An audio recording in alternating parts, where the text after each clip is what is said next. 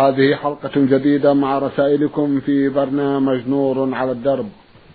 رسائلكم في هذه الحلقة نعرضها على سماحة الشيخ عبد العزيز ابن عبد الله بن باز الرئيس العام لإدارات البحوث العلمية والإفتاء والدعوة والإرشاد.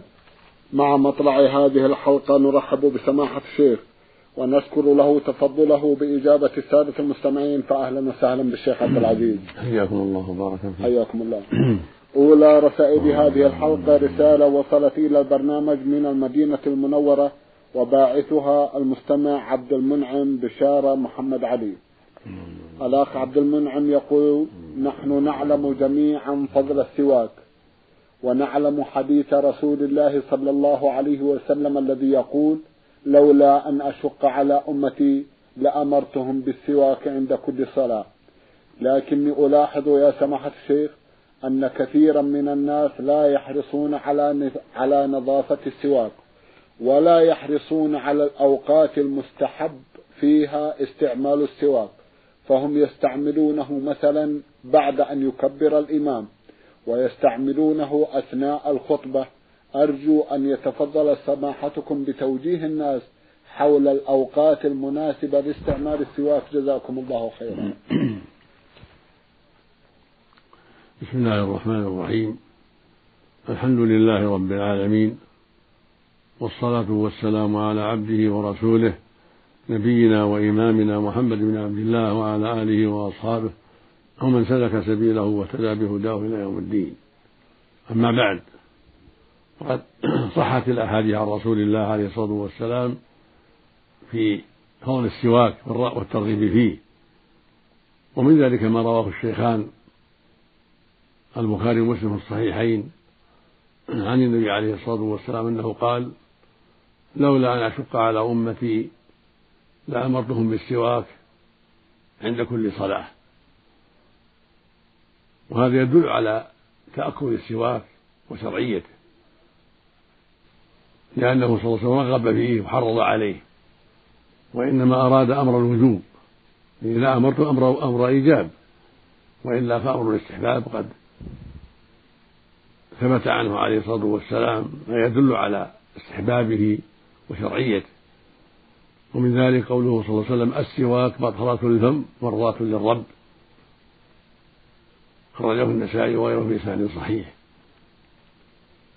ومن ذلك قوله صلى الله عليه وسلم لولا أن أشق على أمتي لأمرتكم بالسواك مع كل وضوء. ومن ذلك ما ثبت في صحيح مسلم عن عائشة رضي الله عنها قال كان عليه الصلاة والسلام يبدأ بالسواك إذا دخل منزله عليه الصلاة والسلام. وكان يستعمل السواك كثيرا عليه الصلاة والسلام. وكان إذا قام من الليل يشوط فاه بالسواك رواه الشيخان من حديث أبي حذيفة رضي الله عنه. والأحاديث هذا كثيرة تدل على شرعية السواك واستحبابه. هو يتأكد عند الصلاة قبل أن يكبر الإمام يستاك قبل أن يكبر. السنة أنه يستاك عند الصلاة قبل أن يكبر فإذا كبر الإمام بادر وكبر بعده. كذلك عند المضمضة عند الوضوء في أول الوضوء. وهكذا عند دخول المنزل. وهكذا إذا تغير الفم والأسنان يستحب أن يستاك حتى يزيل الرائحة السيئة من الفم وحتى يحصل بذلك تنظيف الأسنان. ولهذا قال عليه الصلاة والسلام السواك مطرة للفم مرضاة للرب وهذا يعم الصائم وغير الصائم. في آخر النهار وفي أوله. وفي الليل والنهار. فذهب بعض أهل العلم إلى أنه يكره في آخر النهار للصائم. لقوله صلى الله عليه وسلم كلوا فمن الصائم يطعم عند الله من ريح المسك. قالوا السواك قد يزيل هذا الخلوف أو أو يخففه. والصواب أنه لا يكره للصائم في آخر النهار بل يستحب دائما. لأنه عليه الصلاة والسلام قال لولا أن أشق على أمرتكم بالسواك مع كل وضوء وعند كل صلاة. وهذا يعم الصائم وغيره. ويعم صلاة الظهر والعصر في حق الصائم وغيره. ولأن الخلوف لا يزول بل يبقى لأن الخلوف فيه يتصاعد من الجوف في حق الصائم. فالسواك لا يزيله بل بعد رفع السواك يحصل تصاعد هذا الخلوف الذي هو مفضل عند الله سبحانه وتعالى. ثم خبر الخلوف خاص بمعنى يقتضي ترغيب الصائم في الصيام وبيان فضل الصيام وأنه له عند الله منزلة عظيمة ولا ينافي مسألة السواك.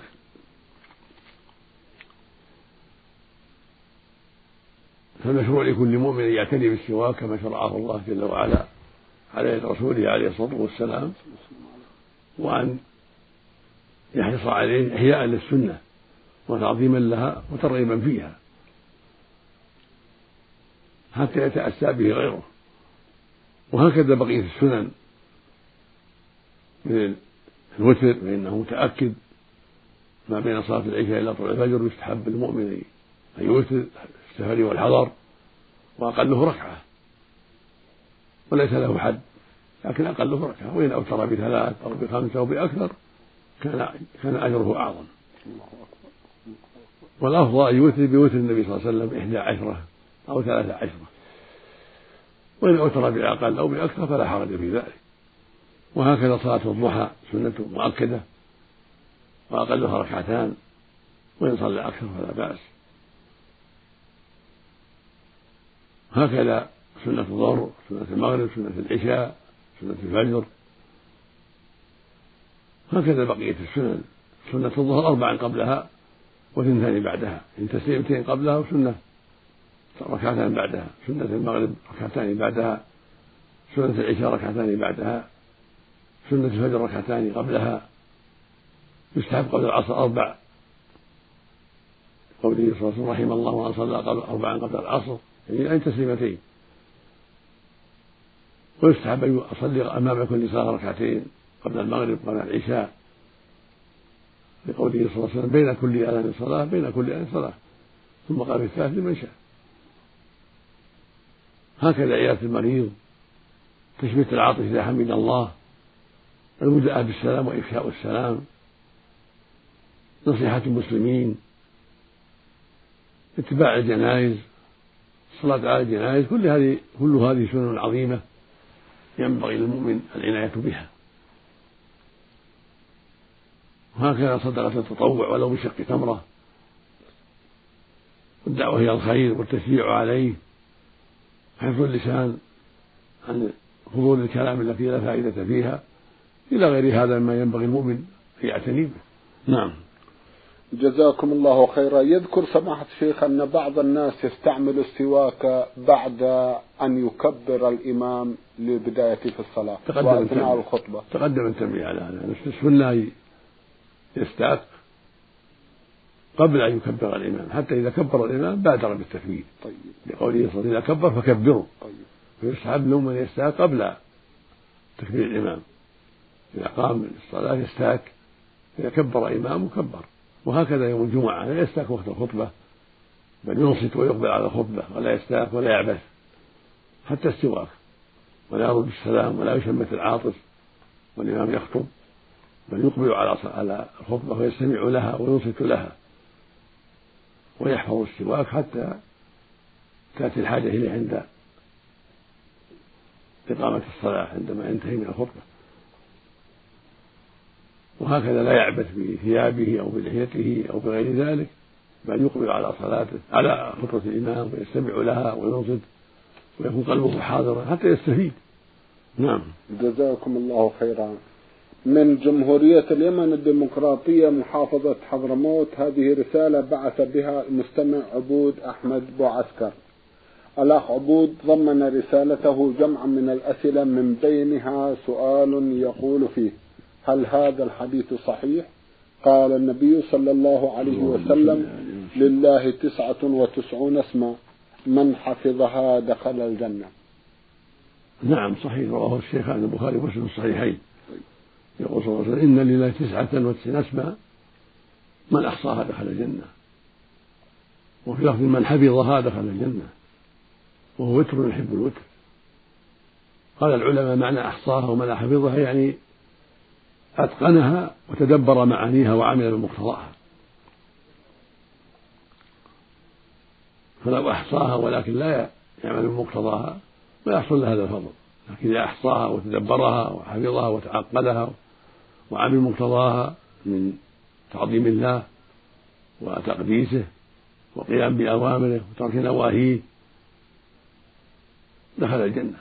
لكونه أدى الواجبات وترك المحارم. وصار حفظ هذه الأسماء وإحصاؤها من وسائل نشاطه في الحق وتعظيمه للرب واتباع الشريعة والحذر مما نهى الله عنه ورسوله. نعم. جزاكم الله خيرا.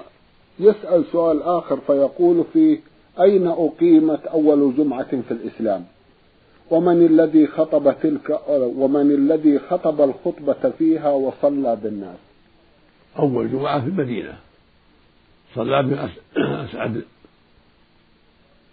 رضي الله عنه. وكان ذلك في قبل أن يهاجر النبي صلى الله عليه وسلم. كان جمع الناس وصلى بهم في الخاضمات موضع معروف المدينة وأول جمعة في غير المدينة بجواثة قرية في مجمع البحرين.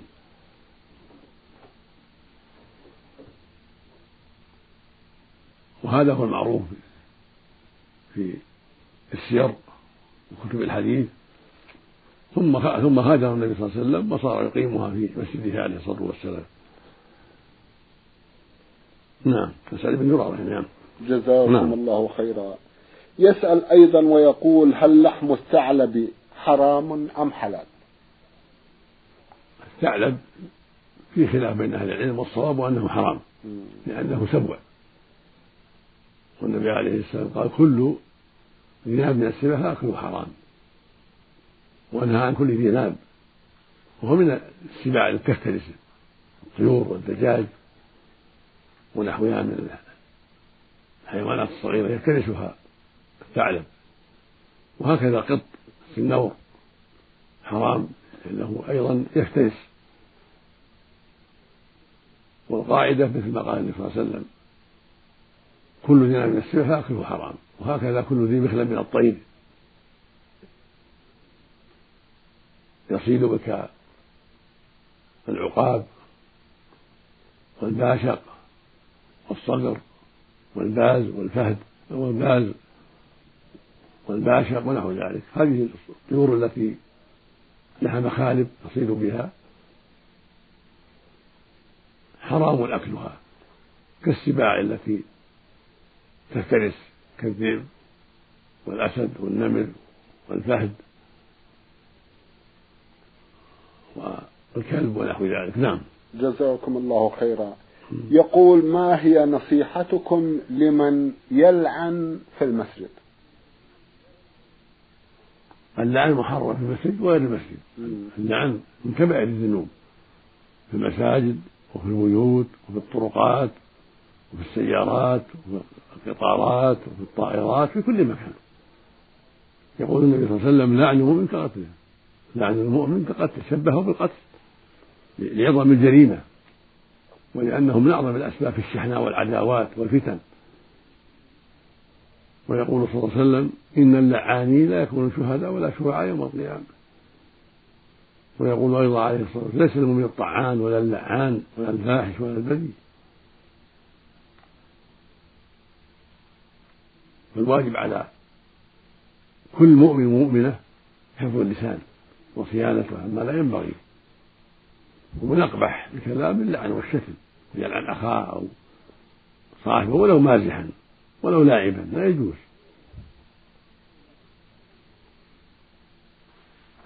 فالمؤمن من شأنه حفظ لسانه وصيانته حتى لا يتكلم إلا بالخير.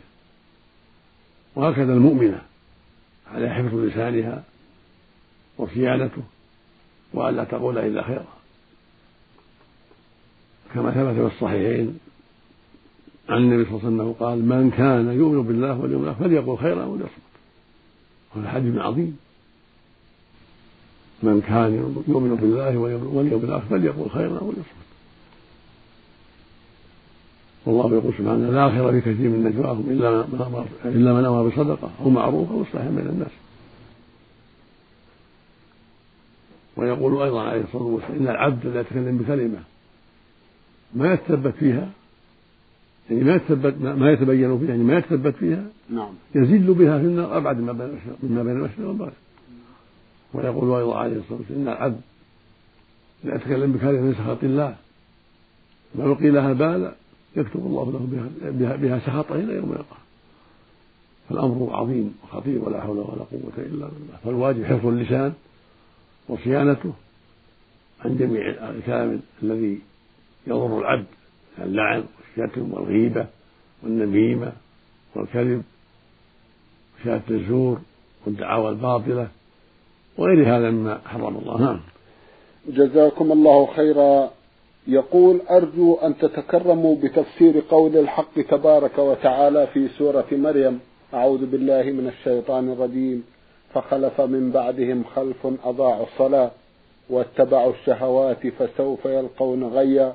إلا من تاب وعمل صالحا فأولئك يدخلون الجنة ولا يظلمون شيئا. رجل كان في شبابه يعمل كثيرا من الكبائر ويترك الصلاة. ثم تاب واهتدى ويقبل على الصلاة ويستشهد كثيرا بهذه الآية. ما هو قولكم شيخ عبد العزيز؟ جزاكم الله خيرا.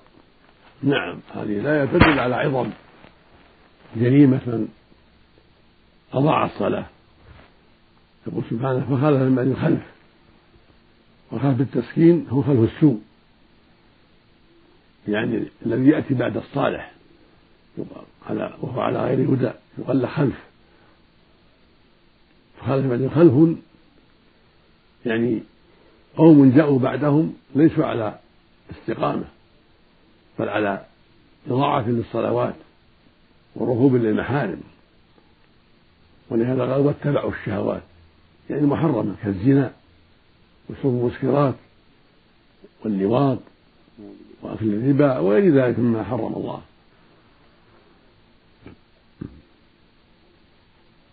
فسوف يلقون غيا يعني خسارا ودمارا وعاقبة سيئة.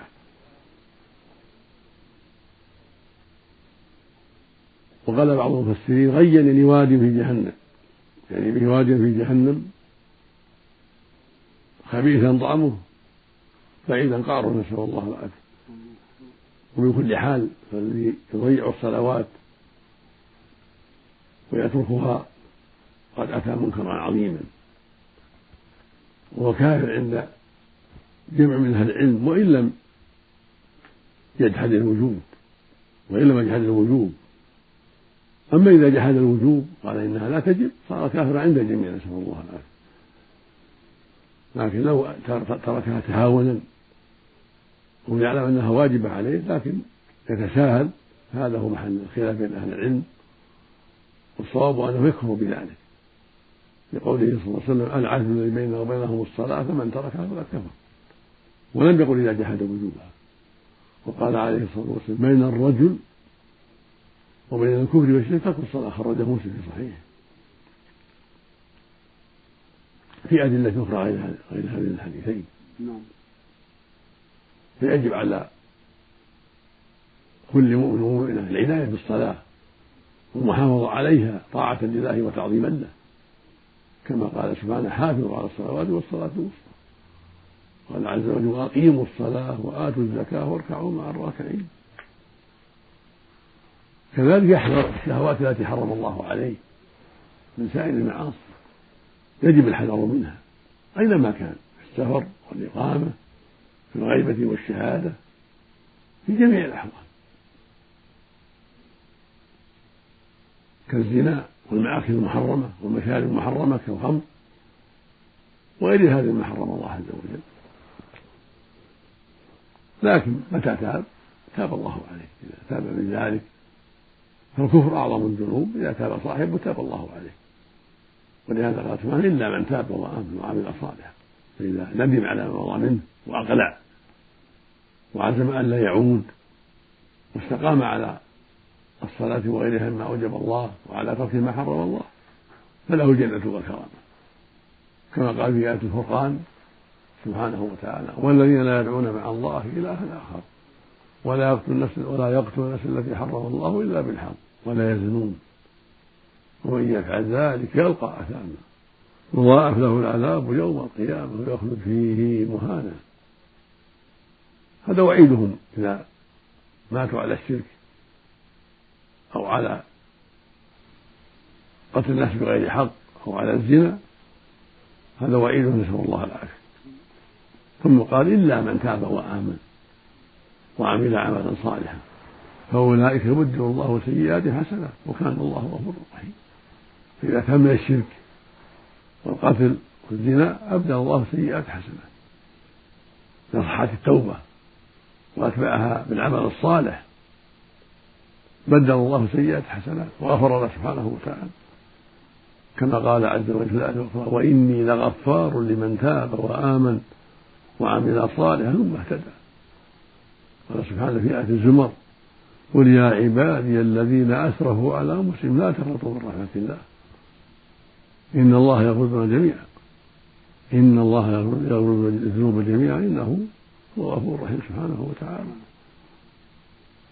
والمعنى للتائبين أجمع العلماء على أن المراد بذلك التائبون من تاب تاب الله عليه وغفر له جميع ذنوبه. فالواجب التوبة والبدع بها. ولا يقنط ولا ييأس. بل يحسن ظنه بربه ويبادر بالتوبة ويتبعها بالعمل الصالح. بالصلوات التطوع الصدقات عيادة المريض أمر معروف النهي عن المنكر دعوة إلى الله إلى غير هذه وجوه الخير. التي تكون تارة واجبة وتكون تارة مستحبة. فالمقصود أن يتبعوا توبته بالأعمال الصالحات من واجب ومستحب فيحافظ على الصلاة الخمس ويؤدي الزكاة ويصوم رمضان ويحج البيت. ويأمر بالمعروف وينهى عن المنكر ويدعو إلى الله ويتعاطى ما يسر الله له من النوافل وغيرها من الطاعات التي أوجبها على عباده سبحانه وتعالى. وذلك من الدلائل على صدق التوبة. هو يتبعها بالعمل الصالح من الدلائل على صدق التوبة. واستقامة صاحبها عليها. نعم. جزاكم الله خيرا ونفع بعلمكم. السؤال الأخير الذي نعرضه لأخينا في هذه الحلقة يقول تقوم بعض النساء عندنا بزيارة القبور والمساجد ومن خلال الزيارة يقمن بجمع الأطفال داخل المسجد أو على القبور ويفرقن عليهم خبزا وبعض الأشياء ويقولن لوجه الله ثم يقمن بدعاء الولي الذي زرنا لأجله. ويقولن يا ولي عافني واحفظ أولادي وكثيرا من الدعاء فما رأيكم يا سماحة الشيخ في هذا العمل؟ هذا عمل خطير. يجب الحذر منه. النساء مجموعات من زيارة القبور. وإنما الإذن للرجال. يقول صلى الله عليه وسلم زوروا القبور فإنها تذكركم الآخرة. ولعن زائرات القبور من النساء لأنهن فتنة وصبرهن قليل. أما إذا كان مع ذلك دعوة الموتى والاستغاثة بالموتى صار الشرك أكبر صار الشرك أكبر هكذا الذبح لهم طلبهم المدد هذا الشرك أكبر من الرجال والنساء جميعا. فالذي يأتي القبور ليدعوها من دون الله ويطلبها النصر والمدد والعون هذا أتى شركا عظيما من الرجال والنساء جميعا. وهذا شرك المشركين هذا شرك عباد القبور كأبي جهل وأصحابه من عباد القبور.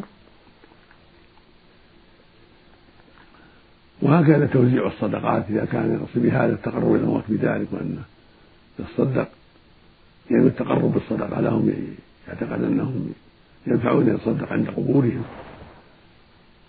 وأنهم بهذه الصدقة التي يتقرب بها إليهم ينفعونه مثل لو صلى لهم.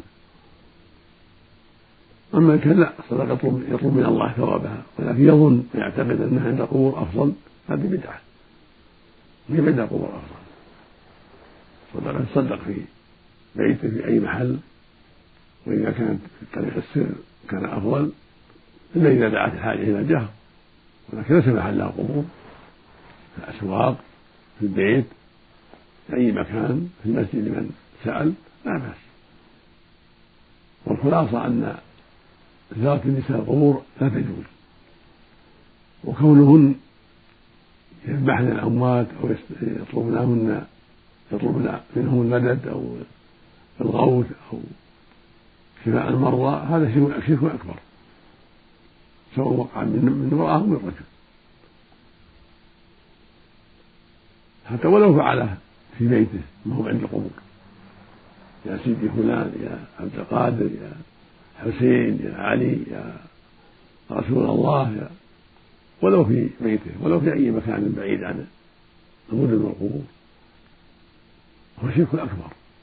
ولو أنه في الصحراء ما عند أحد. إذا قال يا رسول الله انصرني.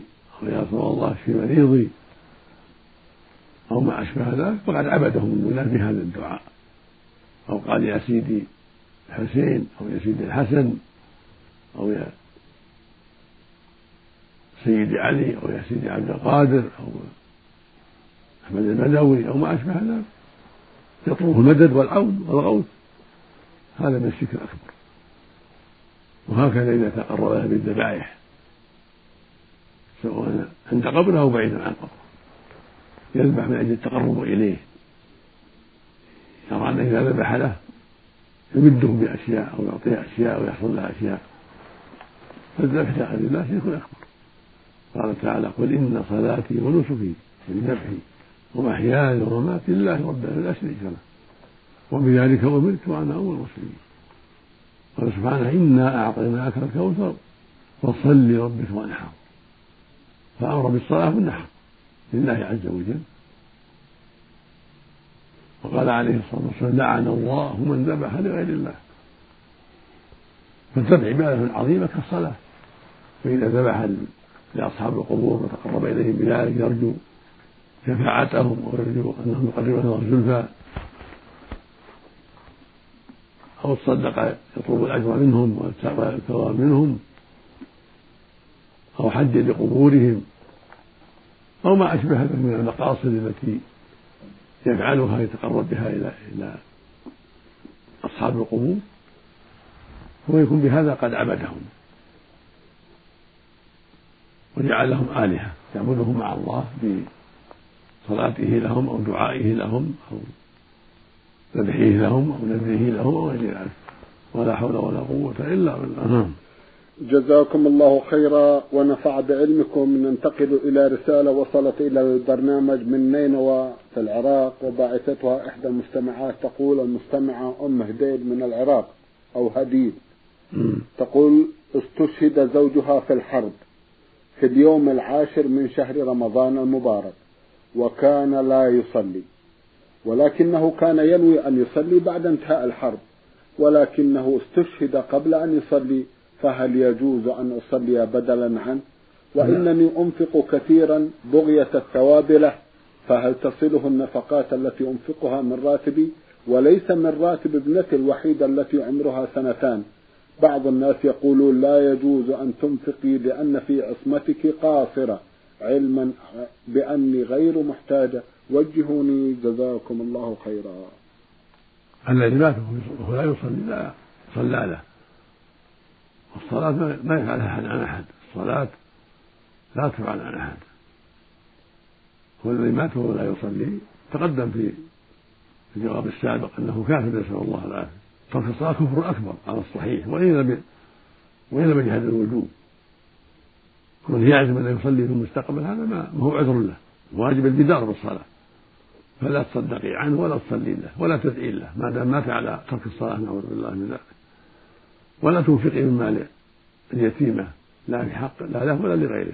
مال اليتيمة احفظيه لها. احفظيه لها وثمريه لها. أو أعطيه إنسان من التجار الطيبين وثمره لها. صدقي من مالك أنت. لهذا المتوفى أو لنفسها. أما الزوج الذي توفي على هذه الحالة هو وهي ترك الصلاة لا تصدق عنه شيء ولا تدعين له ولا تستغفرين له. لأنه مات على كفر. نسأل الله العافية. أما الصدقة من مالك في وجوه البر للفقراء والمساكين هو عن عن زوجه بل لنفسك مصلحتك أنت أنت. صدق على الفقراء والمساكين في عمارة المسجد في الجهاد في سبيل الله كل هذا لك أجره. أما هو لا. ما دام مات وهو لا يصلي لا تصدق عنه. ولا تصلي عنه. ولا تصلي عنه إلى غير ذلك. نعم. جزاكم الله خيرا. سماحة الشيخ في الختام أتوجه لكم بالشكر الجزيل بعد شكر الله سبحانه وتعالى على تفضلكم بإجابة السادة المستمعين وآمل أن يتجدد اللقاء وأنتم على خير. مستمعي الكرام كان لقاؤنا في هذه الحلقة مع سماحة الشيخ عبد العزيز ابن عبد الله بن باز الرئيس العام لإدارات البحوث العلمية والإفتاء والدعوة والإرشاد. شكرا لمتابعتكم وإلى الملتقى. وسلام الله عليكم ورحمته وبركاته.